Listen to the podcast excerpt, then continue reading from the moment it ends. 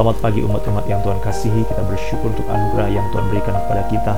Dan kalau pada saat pagi hari ini kita boleh berkumpul dan membaca renungan firman Allah, biarlah semuanya oleh kemuliaan nama Tuhan. Ibrani pasal yang ke-8, kita akan membaca mulai ayat yang pertama. Ibrani pasal yang ke-8, ayat yang pertama sampai yang ke-13. Kita akan membaca demikianlah firman Allah. Inti segala yang kita bicarakan itu ialah kita mempunyai imam besar yang demikian, yang duduk di sebelah kanan tahta yang maha besar di sorga, dan yang melayani ibadah di tempat kudus, yaitu di dalam kemah sejati, yang didirikan oleh Tuhan dan bukan oleh manusia. Sebab setiap imam besar ditetapkan untuk mempersembahkan korban dan persembahan, dan karena itu Yesus perlu mempunyai sesuatu untuk dipersembahkan. Sekiranya ia di bumi ini, ia sama, sama sekali tidak akan menjadi imam, karena di sini telah ada orang-orang yang mempersembahkan persembahan. menurut hukum Taurat. Pelayanan mereka adalah gambaran dan bayangan dari apa yang ada di sorga, sama seperti yang diberitahukan kepada Musa. Ketika ia hendak mendirikan kemah. Ingatlah, demikian firmannya, bahwa engkau membuat semuanya itu menurut contoh yang telah ditunjukkan kepadamu di atas gunung itu. Tetapi sekarang ia telah mendapat suatu pelayanan yang jauh lebih agung, karena ia menjadi pengantara dari perjanjian yang lebih mulia, yang didasarkan atas janji yang lebih tinggi. Sebab sekiranya perjanjian yang pertama itu tidak bercacat, tidak akan dicari lagi tempat untuk yang kedua. Sebab ia menegur mereka ketika ia berkata, Sesungguhnya akan datang waktunya. Demikianlah firman Tuhan Aku akan mengadakan perjanjian baru dengan kaum Israel dan dengan kaum Yehuda. Bukan seperti perjanjian yang telah kuadakan dengan nenek moyang mereka. Pada waktu aku memegang tangan mereka untuk membawa mereka keluar dari tanah Mesir, sebab mereka tidak setia kepada perjanjianku, dan aku menolak mereka. Demikian firman Tuhan. Maka inilah perjanjian yang kuadakan dengan kaum Israel sesudah waktu itu. Demikianlah firman Tuhan. Aku akan menaruh hukumku dalam akal budi mereka dan menuliskannya dalam hati mereka. Maka aku akan menjadi Allah mereka dan mereka akan menjadi umatku. Dan mereka tidak akan mengajar lagi sama warganya atau sama saudaranya dengan mengatakan, Kenallah Tuhan. Sebab mereka semua besar kecil akan mengenal aku. Sebab aku akan menaruh belas kasihan terhadap kesalahan mereka dan tidak lagi mengingat dosa-dosa mereka oleh karena ia berkata-kata tentang perjanjian yang baru. Ia menyatakan yang pertama sebagai perjanjian yang telah menjadi tua, dan apa yang telah menjadi tua dan usang telah dekat kepada kemusnahannya. Sampai di sini pembacaan kitab suci. Umat-umat yang Tuhan kasihi, pada waktu kita membaca ini, maka kita akan melihat ada dua perbedaan, ada satu perpindahan dari yang lama kepada yang baru, perjanjian yang lebih awal dan perjanjian yang lebih akhir. Pada waktu Alkitab ini ditulis atau pada waktu kata-kata ini disampaikan, kita perlu ingat terus-menerus jangan sampai lupa bahwa ini adalah perkataan yang disampaikan kepada orang-orang Ibrani, orang-orang Yahudi. Karena mereka berada dalam suatu penderitaan penganiayaan, mereka perlu mendapatkan kekuatan, mereka perlu diberikan semangat, mereka perlu diteguhkan imannya supaya pengenalan mereka kepada Kristus menjadi firm, menjadi kokoh. Maka mereka dikirimi surat ini Waktu mereka mendengar surat ini, ada orang yang sudah memang menjadi percaya, ada orang sudah menjadi orang Kristen, tetapi ada orang yang belum menjadi Kristen, tetapi dia sudah tahu tentang segala sesuatu yang dikerjakan Allah melalui Musa, hukum Taurat, para nabi, sudah tahu, ya karena dia orang Yahudi. Nah, oleh sebab itu, dirangkumlah semua orang-orang ini kepada satu pemikiran, kepada suatu pengertian, kepada wawasan bahwa pernah Allah memberikan suatu model yang lama, model imam lama kalau kita baca pasal yang lalu. Allah memberikan perjanjian yang lama. Dan perjanjian itu bukan tidak baik. Perjanjian itu baik, tetapi ada yang lebih baik. Jadi ini adalah suatu cara kita untuk memahami bukan bagus atau tidak bagus, bukan. Bukan jelek, bukan tidak baik, bukan tidak manis, bukan, bukan. Itu adalah hal yang baik, hal yang manis, hal yang bagus, tetapi Alkitab bicara ada yang lebih baik, ada yang lebih sempurna, ada yang lebih indah. Jadi ini perbandingan yang sifatnya superlatif, sesuatu yang lebih baik. Jadi, kenapa ada yang baik, ada yang lebih baik? Kenapa ada yang tidak sempurna lalu ada yang lebih sempurna? Kenapa? Inilah yang disebut dengan cara Allah bekerja itu sifatnya progresif. Dia memberikan segala sesuatu. Menarik sekali ada hal-hal yang kita bisa lihat. Allah bekerja itu diukur dengan waktu. Jadi tidak sembarangan. Sama seperti waktu kita membicarakan kenapa Allah memberikan hukum Taurat. Padahal kita tahu bahwa hukum Taurat itu kan pada akhirnya tidak bisa menyelamatkan. Tidak sempurna.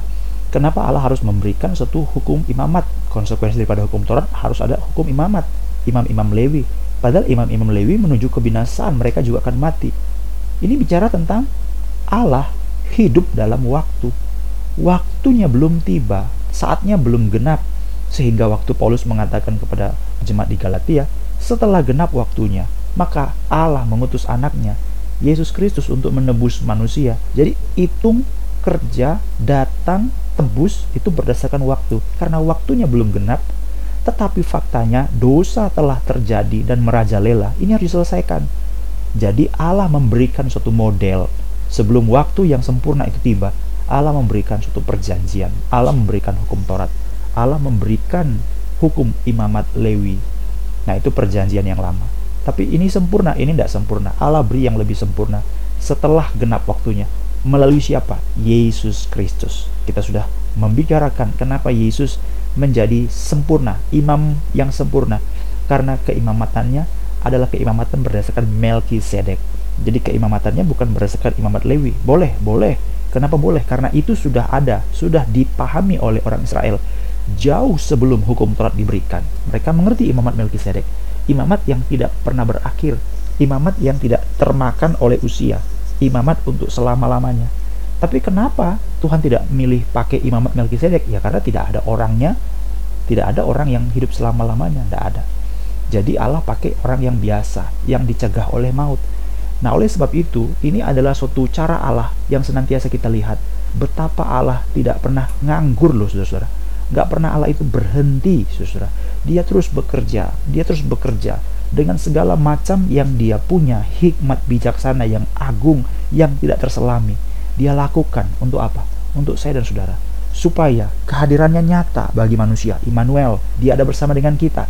Kita yang terpisah dengan dia karena dosa tetapi bagaimana ini bisa diselesaikan supaya dia bersama dengan kita ya kan Allah mengerjakannya Allah memberikannya dan setelah Yesus Kristus hadir kepada orang-orang Ibrani diberitahu kepada saya dan saudara dikasih tahu bahwa inti yang kita bicarakan ini kita sekarang punya imam besar yang duduk di sebelah kanan tahta yang maha besar di sorga itulah Kristus Yesus yang sempurna jadi gambaran ini adalah bicara tentang Kristus pertama lalu yang kedua Kristus yang ada di sorga dan segala yang di sorga itu itu diproyeksikan di bumi ini. Jadi apa yang kita kerjakan ini harus memproyeksikan apa yang ada di sorga, saudara-saudara. Itulah yang Alkitab bicarakan. Pelayanan mereka, ayat 5, adalah gambaran dan bayangan dari apa yang ada di sorga. Jadi ini bukan hanya sekedar bicara masalah saya menikah, sama seperti orang-orang pada umumnya menikah. Tidak. Pernikahan itu adalah sesuatu gambaran apa yang terjadi di sorga oh saya ini bekerja karena semua orang butuh kerja, butuh uang, butuh makan untuk mata pencarian dan pendapatan. Bukan. Apa yang terjadi ini adalah satu proyeksi atau gambaran yang ada di sorga. Oh saya ini bergereja. Enggak, enggak, enggak. Saya beriman, saya beragama ya, sama seperti orang beragama. Saya melihat bahwa pandangan kita kalau hanya sebatas itu, maka kita akan menjadi orang yang dangkal. Karena kita tidak melihat bahwa apa yang Allah sedang rancang, apa yang Allah susun adalah satu gambaran proyeksi yang lebih agung, yang lebih besar yang ada di sana. Sama seperti pada waktu kita memiliki Bapa. Bapa di dunia ini ada, ada. Tapi kenapa Allah memberikan konsep Bapa kepada manusia di dunia? Karena ada Bapa di surga. Jadi saudara-saudara, ada begitu banyak gambaran-gambaran dalam Alkitab, kita anggap itu gambaran yang natural, yang alami. Ya semua orang juga punya kok. Ya semua orang juga berumah tangga, semua orang juga berkeluarga, semua orang juga bekerja, semua orang juga beragama, semua orang juga bergereja, semua orang juga punya bapak, semua orang juga punya keluarga. Kita anggap itu konsep natural. Padahal ini adalah gambaran di mana apa yang terjadi di sorga. Sehingga kalau orang hanya menganggap ini konsep alami, maka dia akan menjadi serupa dengan dunia ini. Tidak, kita berumah tangga, kita berkeluarga, kita bergereja, kita beragama. Jangan samakan keluarga kita, rumah tangga kita, agama kita, gereja kita seperti orang-orang di dunia. Tapi pandanglah kepada surga, pandanglah kepada Allah. Karena apa yang Allah berikan kepada kita di dunia ini adalah gambaran, adalah bayangan apa yang dari di surga. Nah, itu yang terjadi pada waktu orang membicarakan imamat Lewi, walaupun itu tidak sempurna, itu bukan bicara sesuatu yang hanya sekedar duniawi, natural, sama seperti agama-agama lain. Mereka punya imam-imam. Tidak. Ini adalah satu gambaran apa yang terjadi di sorga. Jadi saudara-saudara kalau kita baca, Mungkin ada pertanyaan begini. Jadi kalau begitu kenapa orang-orang tidak mengenal Allah juga memiliki imam? Orang tidak mengenal Allah, mereka memiliki agama. Orang tidak mengenal mengenal mengenal, mengenal Allah, mereka juga memiliki tahu apa itu kebaikan, berbuat amal, menolong orang miskin. Mereka tahu kenapa. Nah, ini yang disebut dengan respon manusia terhadap wahyu umum daripada Allah. Jadi Allah itu memberikan kepada manusia itu hati nurani loh. Semua manusia tidak peduli agamanya apa, Tuhan beri hati nurani hati nurani yang mengerti apa itu yang baik, hati nurani apa mengerti apa itu yang bajik, hati nurani yang mengerti apa itu yang luhur, hati nurani mengerti apa itu yang indah, hati nurani yang mengerti apa itu namanya berbuat bakti. Ngerti, semua manusia punya. Nah, oleh sebab itu, cara mereka merespon hati nurani itu, maka sampailah pada hal yang disebut dengan agama, sampailah disebut dengan budaya. Jadi manusia tahu itu sebabnya semua agama itu orang bilang mengajarkan kebaikan. Kenapa? Itu respon umum, tetapi tidak membawa kepada keselamatan karena responnya dari manusia kepada Allah. Tetapi beda iman kita bukan dari manusia kepada Allah, tapi Allah kepada manusia. Itu bedanya, Saudara. Sehingga dalam hal ini kita harus mengerti bahwa tidak ada yang bentur di situ. Tetapi ini adalah cara yang diberikan Allah untuk kita sadar sebagai orang percaya bahwa apa?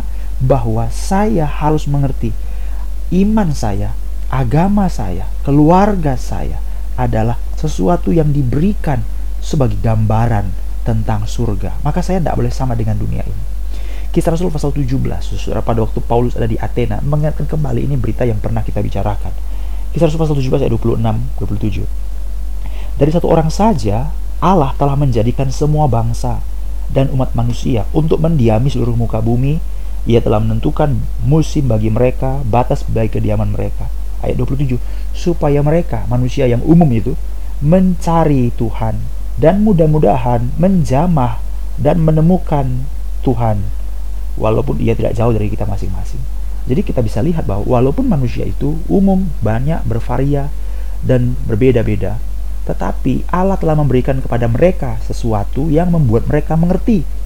Ada yang namanya Allah ada namanya sesuatu yang di luar nalar manusia. Siapa ya dia? Yang nggak tahu. Ya mari jamah, sentuh dia, cari dia. Makanya orang mencari Allah dengan cara apa? Ya dengan cara yang dia tahu. Ada orang menemukan Allah di pohon besar. Akhirnya dia sembah pohon besar. Ada yang menemukan Allah di pantai. Akhirnya dia sembah, pantai. Menemukan Allah di matahari, dia sembah matahari. Menemukan Allah di gunung, dia sembah gunung. Menemukan Allah lewat orang-orang tertentu, maka dia ikuti orang itu cara dia beragama dia ikuti mungkin itulah nabi-nabi dari agama-agama lain orang-orang saleh agama lain atau saudara-saudara ada orang yang sifatnya adalah politeisme yaitu semua kepercayaan banyak semua kepercayaan banyak ada agama ini ikut ada sembah ini ikut ada ikut ini ikut ikut semua ikut dia ikut banyak namanya politeisme jadi semua menambahkan Allah Allah Allah Allah pada perbendarannya kalau Allah ini tidak bisa tolong Allah ini bisa tolong kalau Allah B tidak bisa tolong Allah C bisa tolong jadi dia percaya pada semua Allah ada orang seperti itu, sudah namanya politisme. Poli itu artinya banyak, teisme itu artinya Allah. Jadi penyembahan kepada banyak Allah. Jadi semua orang punya. Tetapi kita tidak bisa seperti itu. Karena apa? Karena kembali lagi bahwa yang baik itu ada datang dari Allah, diberikan oleh Allah kepada manusia, dan manusia meresponnya, jadilah agama, jadilah budaya, tetapi itu tidak membawa pada keselamatan. Karena itu wahyu yang umum. Allah memberikan kepada kita wahyu yang khusus. Bukan manusia yang mencari Allah, tapi Allah yang mencari kita. Maka Alkitab mengatakan semuanya itu adalah gambaran dan bayangan dari apa yang ada di surga yang diberitahukan kepada Musa. Jadi Allah yang beritahu loh, bukan dari Musa yang cari tahu, tapi Allah yang cari beritahu kepada Musa. Berarti dari Allah. Ketika hendak ia mendirikan kemah, ingatlah kata Tuhan. Jadi kata ingatlah berarti hal yang penting, ingatlah bahwa engkau Musa membuat semuanya ini menurut contoh yang telah kutunjukkan kepadamu di atas gunung ini. Jadi inilah yang Allah kasih tahu. Kamu ada begini, ada begini, ada begini karena di sorga begini. Jadi pandangan kita adalah sorga. Pandangan kita adalah apa yang sedang terjadi di sana. Itulah sebabnya Allah memberikan satu yang disebut dengan pelayanan yang lebih agung. Karena Kristus menjadi pengantara dari perjanjian yang lebih mulia. Perjanjian yang lebih mulia. Ajaib, indah, luar biasa. Puji Tuhan, haleluya. Alkitab mengatakan kita memiliki pengantara. Dan pengantara kita itu jauh melampaui segala tingkat-tingkat di sorga Ibrani pasal 7 ayat 26. Imam besar kita, saleh, tanpa salah, tanpa noda, terpisah dari orang-orang berdosa, lebih tinggi daripada tingkat-tingkat surga. Lebih tinggi daripada tingkat-tingkat surga. Dia punya kekuatan, bukan kelemahan. Tidak ada kelemahan, sehingga dia mempersembahkan dirinya sendiri. Kisah dalam Ibrani pasal 7, 27, ia mempersembahkan dirinya sendiri menjadi korban. Indah sekali, saudara-saudara. Indah sekali, indah sekali. Dia adalah Allah yang melampaui segala langit. Dia melampaui tingkat-tingkat surga. Ibrani pasal 4 ayat yang ke-14 imam besar agung kita melintasi semua langit. Indah, indah sekali saudara. Tidak ada orang yang memiliki yang seperti ini. Tidak ada, tidak ada yang memiliki seperti ini. Dia menjadi pengantara kita. Kenapa dia istimewa? Bukan hanya karena kualitasnya, secara kualitatif dia sempurna, tidak bercacat, tidak bernoda, dia saleh terpisah dari orang berdosa. Tetapi posisinya dia melintasi tingkat-tingkat surga. Dia melintasi segala langit. Dia hadir melabuhkan satu sauh di belakang tabir yang hanya boleh dimasuki satu kali setahun. Dia adalah Yesus Kristus.